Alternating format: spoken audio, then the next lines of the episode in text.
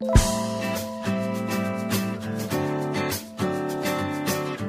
episode minggu lalu, gue udah bilang kalau film-film gede tuh nggak bakalan rilis streaming. It's a new normal kalau misalkan mereka rilis streaming, karena memang kelasnya udah beda. Eh, kemarin baru aja ada berita yang ngebantah hal ini karena akibat pandemi COVID-19, Disney sedang mempertimbangkan untuk merilis dua film besarnya, yaitu Mulan dan Black Widow via streaming. Pro kontranya bakal dibahas sekarang di Cine Talk with me, Adam Pratama.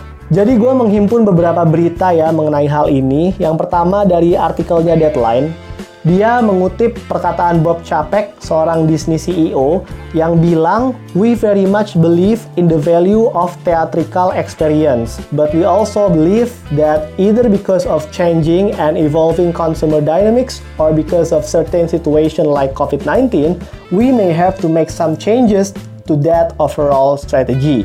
We're going to evaluate each of our movies as a case-by-case situations as we are during this coronavirus situation. Nah, itu dia bilang ya. Berdasarkan perkataan Bob Chapek tersebut, si Deadline menulis Disney yang bisa dibilang adalah rajanya box office mau itu di Amerika ataupun di internasional tentu bakal jadi sorotan ketika mereka pada akhirnya merilis film besar duluan di streaming ya secara gitu loh. Mereka kan yang megang sekarang ya. Istilahnya bos paling besarnya kalau sebuah game. Nah ketika mereka pada akhirnya memutuskan atau ya considering streaming platform as an alternative way to distribute their movies ya bioskop mau bilang apa? Mungkin kemarin AMC bilang sama Universal gue nggak bakal muterin film-film lu karena Trolls skip theatrical release langsung streaming abis itu mecahin banyak rekor dan lu langsung bilang ini adalah salah satu hal yang bisa jadi solusi. Tapi kalau misalkan Disney yang melakukan hal itu apakah mereka masih mau konfrontasi? Nah ini gue jadi ragu juga apakah si pihak bioskop akan kembali mengeluarkan fatwa-fatwa dalam tanda kutip atau enggak. Terus market share film Disney di Amerika Utara itu sekurang-kurangnya 40% guys. Dan migrasi ke streaming secara cost belum tentu bisa sepadan. Dan Disney juga kita lihat kalau plus minus dari keputusan ini mereka pasti ngelihat persaingan juga kan. Walaupun banyak film-film summer yang akhirnya pada rilis di fall. Cuman kalau misalkan mereka tetap stay di late summer kayak yang dilakukan Mulan sekarang, mereka bakal bersaing dengan Tenet.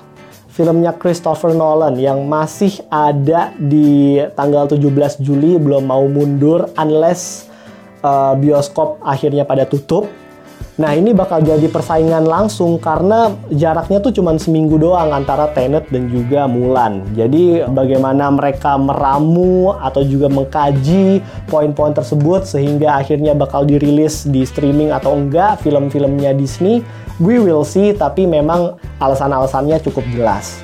Nah, kalau misalkan dari sosial media gimana Dam? Gue bakal ngambil dari cool tweetnya Grace Randolph dia adalah seorang sinetfil dan juga punya YouTube channel. Si Grace Randolph nih ngeluarin beberapa tweet sih mengenai hal ini ya. Yang pertama dia bilang, So I did some digging with all the chatter today and apparently Disney is considering releasing not just Black Widow but also Mulan straight to streaming. Price point, purchase versus rental, when to Disney Plus, all still up in the air, developing. Nah, jadi udah ada wacana nih. Tinggal kita tungguin aja tanggal mainnya gitu ya. Terus si Grace Randolph bilang, please consider that movie theaters might not open again until fall or maybe the rest of the year. Also, this is a big movie with lots of moving parts, so we will see. Nah, maksudnya moving parts ini apa sih, Dam? Nanti kita bakal bahas setelah ini. Dan si Grace Randolph menutup cool tweetnya dengan bilang, they, she refers to Disney ya, need to make money. Oke, okay, fine. Berita berikutnya datang dari David Harbour. Dia adalah pemeran dari Red Guardian yang mengusulkan rilisnya Black Widow via online aja di Instagram question and answer. Jadi pas ditanya, si David Harbour tuh bilang, wouldn't it be fun if we all could just stream it? But that's above my pay grade. Nah itu dia bilang ya. Sampai saat ini memang belum diketahui tanggal rilis pasti dari Black Widow setelah uh, pengundurannya dari theatrical release yang asli di awal Mei dan sampai saat ini juga belum ada komen resmi dari sutradaranya yaitu Cat Shortland maupun dari bintang utamanya yaitu Scarlett Johansson mengenai hal ini. Nah, gimana pendapat gue mengenai kemungkinan rilisnya Black Widow dan Mulan via streaming? Well, gini deh, kita ngelihat dulu apakah setelah COVID ini selesai semuanya bakal kembali normal lagi atau enggak. Karena ketika COVID-19 sudah mulai menurun, apakah kita bisa langsung membuat bioskop itu penuh seperti biasanya? Kalaupun kita bisa, pihak bioskopnya pasti memberikan protokol-protokol tertentu dulu untuk beberapa waktu ke depan. Misalkan kayak satu studio paling banyak diisinya sama mungkin 20 orang seperti itu. Terus duduknya selang satu bangku misalkan. Jadi pasti ada protokoler-protokoler tertentu yang membuat si bioskop belum bisa full force gitu. Masih new normal, belum 100% normal. Terus agak disayangkan juga kalau misalkan rilis streaming ya. Mengingat secara agenda ya, Mulan dan Black Widow tuh penting karena selain dua-duanya film gede, dua-duanya ngangkat hero perempuan, dan khususnya untuk Mulan bakal punya cultural impact tersendiri yang gue tahu ini film bakal lebih condong ke versi legenda Hua Mulannya ya dibanding versi kartun animasinya dulu. Dan film-film kayak begitu sebenarnya sayang kalau dirilisnya via streaming. Ya itu plus minusnya. Tapi balik lagi nih guys, situasi COVID bikin semuanya jadi nggak menentu. Akan bagus untuk keluarga jika mereka dapat hiburan yang grande selama di rumah aja dan buat media kita jadi dapat bahan gitu. Baik itu untuk diberitakan kayak sekarang gue bikinin podcast atau buat di review nanti. Karena sorry to say salah satu kolega gue di Cineverse bilang film-film yang rilis di streaming sekarang itu bukan film-film gede. Ya emang bener. Secara mungkin ya pemeran bolehlah bisa gede. Tapi apakah mereka juga berbudget besar? Apakah mereka punya merchandise juga Apakah mereka punya IP yang udah dikenal dari zaman jebot? Kan enggak.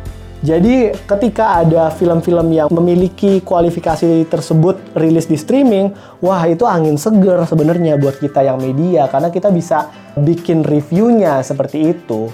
Dan gue juga baru aja tadi ngobrol sama Adi Nugroho, dia adalah scriptwriter dari Kuldesak, terus juga Tiga Sri Kandi ya Terus dia juga bakal ngeluarin film juga dalam waktu dekat ini. Awalnya mau rilis lebaran cuman karena covid mungkin diundur untuk beberapa waktu. Nah Mas Adi Nugroho tuh bilang ini adalah game changer luar biasa. Khususnya untuk Mulan. Dia bilang gitu. Nah untuk Black Widow dari segi konten ini beralasan banget. Kenapa? Karena bakal ada mata rantai Phase 4 di MCU di dalam film itu yang nggak bisa ditahan lagi karena film-film MCU berikutnya juga harus segera diproduksi. Nah, selama Black Widow itu belum keluar, film-film Phase 4 itu pastinya akan tertunda. Dan itu bisa kita lihat banyak film-film yang dari Marvel Cinematic Universe yang mengundurkan jadwal rilis. Nah, terus berhubungan dengan komitmen sama merchandise dan licensing. Ini adalah yang dikatakan sama Grace Randolph tadi. Lots of moving parts. Dia kan bilang gitu. Nah, moving parts-nya itu ya ini salah satunya, merchandise dan juga licensing. Itu nilainya besar, men. Dan menyangkut pihak lain juga. Gak bisa ditunda juga. Lo bayangin aja kalau ada sejuta unit action figurnya Black Widow atau Mulan itu udah siap dipasarin, udah siap dikirim ke berbagai negara, eh terpaksa dipending dulu karena filmnya belum rilis. Nah, Black Widow itu punya stempel Marvel ya kan? So gak heran di tiap film film Avengers gitu ya atau film Marvel lainnya yang ada Black Widow-nya tuh ganti-ganti. Itu bukan cuma buat tren atau bukan cuma untuk menaikkan hype di social media enggak. Menurut Mas Adi biar bisa jualan action figuresnya. Karena di setiap film tuh ada cenderung warna rambutnya atau gaya rambutnya tuh beda-beda itu kayak kita ngumpulin jersey bola di setiap musim kan pasti beda-beda. Nah, itu yang diincar sebenarnya. Nah, ketika semuanya itu mandek, kan jadi masalah juga karena mainan memang nggak bakal busuk, tapi storage-nya kan mau dipakai. Ditambah dengan kayaknya mulai terpikir beberapa negara mulai nurunin lockdown, orang-orangnya udah mulai pada keluar walaupun belum 100% normal. Tapi industri mainan kan pasti udah mulai start buat masarin barang dong. Mereka pasti butuh barang dong untuk dijual ke orang-orang banyak. Karena orang-orangnya juga udah pada keluar. Nah gue rasa Disney pun jadi mikir, karena kepulihan atas COVID-19 dari negara satu dengan negara yang lain berbeda, makanya dia mutusin ya udahlah, yang penting kan film gue udah ada nih, rilis dulu aja di VOD, nggak apa-apa, biar merchandise atau mainannya itu yang nutup dulu. Jadi seenggaknya filmnya udah ada, mainannya udah bisa dijual dulu di market-market yang udah melonggarkan aturan lockdown. Seperti itu kalau kata Mas Adi Nugroho ya. Jadi moving parts-nya itu adalah merchandise, terus juga mainan yang itu pasti dipikirin juga karena kalau misalkan satu film itu belum tahu rilisnya kapan, itu pasti akan ada efek domino, baik itu ke bidang-bidang lainnya dari film yang sama maupun kepada film-film lain yang related ke film yang terkena dampak itu. So that's why masuk akal juga sebenarnya kalau misalkan Black Widow itu rilis di streaming. Nah, kita juga pengen bacain hasil polling dan juga komen netizen yang ada di Twitter at underscore ID. Untuk pollingnya sendiri, lebih banyak yang nggak setuju sebenarnya kalau Mulan dan Black Widow itu rilis duluan di streaming. Mereka lebih suka untuk nunggu rilis di bioskop dulu walaupun nggak tahu nunggunya sampai kapan. Beberapa komen yang masuk, yang pertama ada El Satrio, dia nggak setuju dia bilang pasti lebih enak rilis di bioskop. Ruang teater dan layar yang besar pasti memberikan kesan yang lebih buat penontonnya. Soundnya, adegan-adegan serunya pasti lebih seru dinikmati di layar bioskop. Oke, thank you ya buat komennya. Terus yang kedua ada Duhita Aprilia Ayu, dia juga nggak setuju karena mau nonton IMAX. Baik. Yang berikutnya ada Ed Senor Joy, dia juga nggak setuju. Dia nge-tweet, gue pribadi memang jauh jauh lebih suka nonton di layar lebar dengan suara menggelegar. Jadi tentu mending nunggu mereka sampai lumutan, tapi bisa nikmati kekhusyuan nonton di bioskop. Wah, sedap. Ini definisi dari pecinta bola di Inggris nih. Football is the religion. Kalau buat Senior Joy, movie is the religion. Cakep.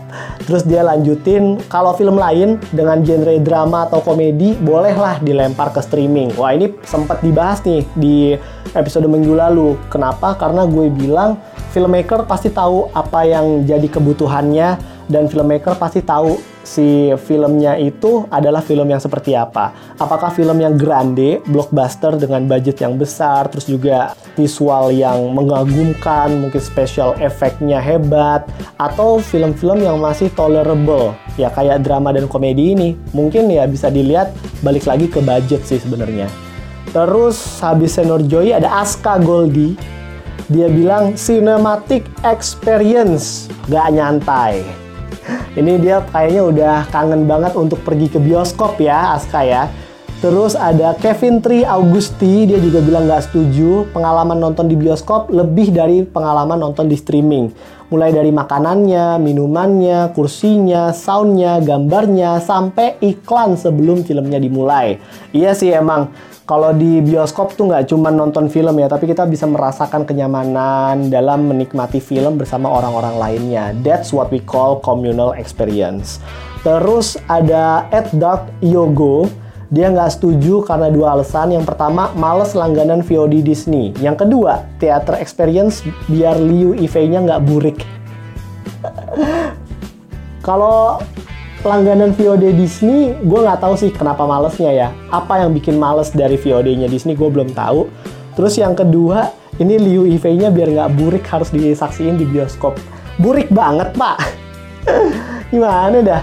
Mungkin kalau di streaming atau di laptop masing-masing suka ada semutnya kali ya, makanya dibilangnya nggak burik gitu kalau ditonton di bioskop. Baiklah, suka-suka lu aja ya, Dark Yogo ya. Thank you banget udah komen. Terus berikutnya ada Hasrul Am, dia juga bilang nggak setuju karena kalau di bioskop harganya lebih murah daripada harus streaming yang menurutku lebih mahal. Oh, Oke, okay, menarik nih.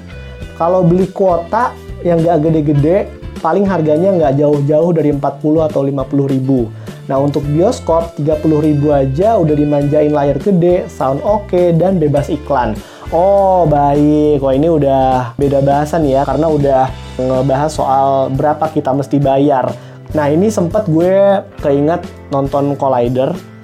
Waktu itu Dennis Zeng bilang kalau misalkan bisnis model kayak begini akibat konvergensi media dan juga akibat perkembangan teknologi lewat fasilitas internet itu bikin banyak orang tuh bikin streaming platform kayak Netflix, terus juga Disney Plus, ya kan. Ini mengakibatkan nanti akan ada perang tarif dan akhirnya kita mesti beli sesuatu yang belum tentu kita akan nonton secara konstan dengan harga yang tinggi. Seperti itu kurang lebihnya yang gue dapet ya. Nah yang terakhir nih ada Ray Indra, dia setuju nih. Dia bilang setuju, tweetnya rasanya bakal beda sih. Tapi ya mau gimana lagi, mengingat si Kon lagi pandemi gini ya nggak apa-apa sih gue orangnya nggak sabaran oke ya nggak apa-apa toh juga kalau misalkan terlalu lama kan tadi udah dikasih tahu kan dari segi merchandise-nya, dari segi jadwal rilisnya, sama siapa dia bersaing nanti, dan di fall juga udah stack up banget. Terus juga di satu sisi ada hal yang membuat konten ceritanya harus segera dirilis. Dan kalau berdasarkan pernyataannya si Mas Ray Indra ini ya takutnya kalau misalkan udah terlalu lama hype-nya jadi menurun dan akhirnya kita udah nggak terlalu excited lagi. Ini pasti akan membuat cost marketingnya bertambah karena production house-nya atau studionya itu harus memutar otak lagi untuk memasarkan gimana mereka caranya untuk memasarkan kembali film ini dan gimana caranya mereka masih bisa menjaga momentum, masih bisa menjaga excited dari orang-orang untuk tetap mau nonton film Black Widow dan juga Mulan kalau misalkan rilisnya masih di teatrikal ya prefer teatrikal dibanding streaming tapi ya balik lagi kalaupun memang di teatrikal masih belum bisa 100% sih orang-orang juga kan belum tentu mau pada langsung ke bioskop. Toh juga misalkan kalau mereka langsung ke bioskop, bioskopnya sendiri mungkin protokoler ya kan. Jadi it's a new normal buat kita kayak gimana informasi selanjutnya dari nasib Black Widow dan juga Mulan apakah mereka tetap rilis tradisional atau akhirnya rilis di VOD dulu atau di streaming dulu baru nanti pas bioskop buka rilis di bioskop. Nah, kita masih tungguin kabarnya seperti apa, update-nya seperti apa. Yang pasti thank you banget buat chillers yang udah dengerin dari beberapa menit ke belakang. Adam Pratama pamit dan kita ketemu lagi di Cinetalk episode berikutnya. Bye!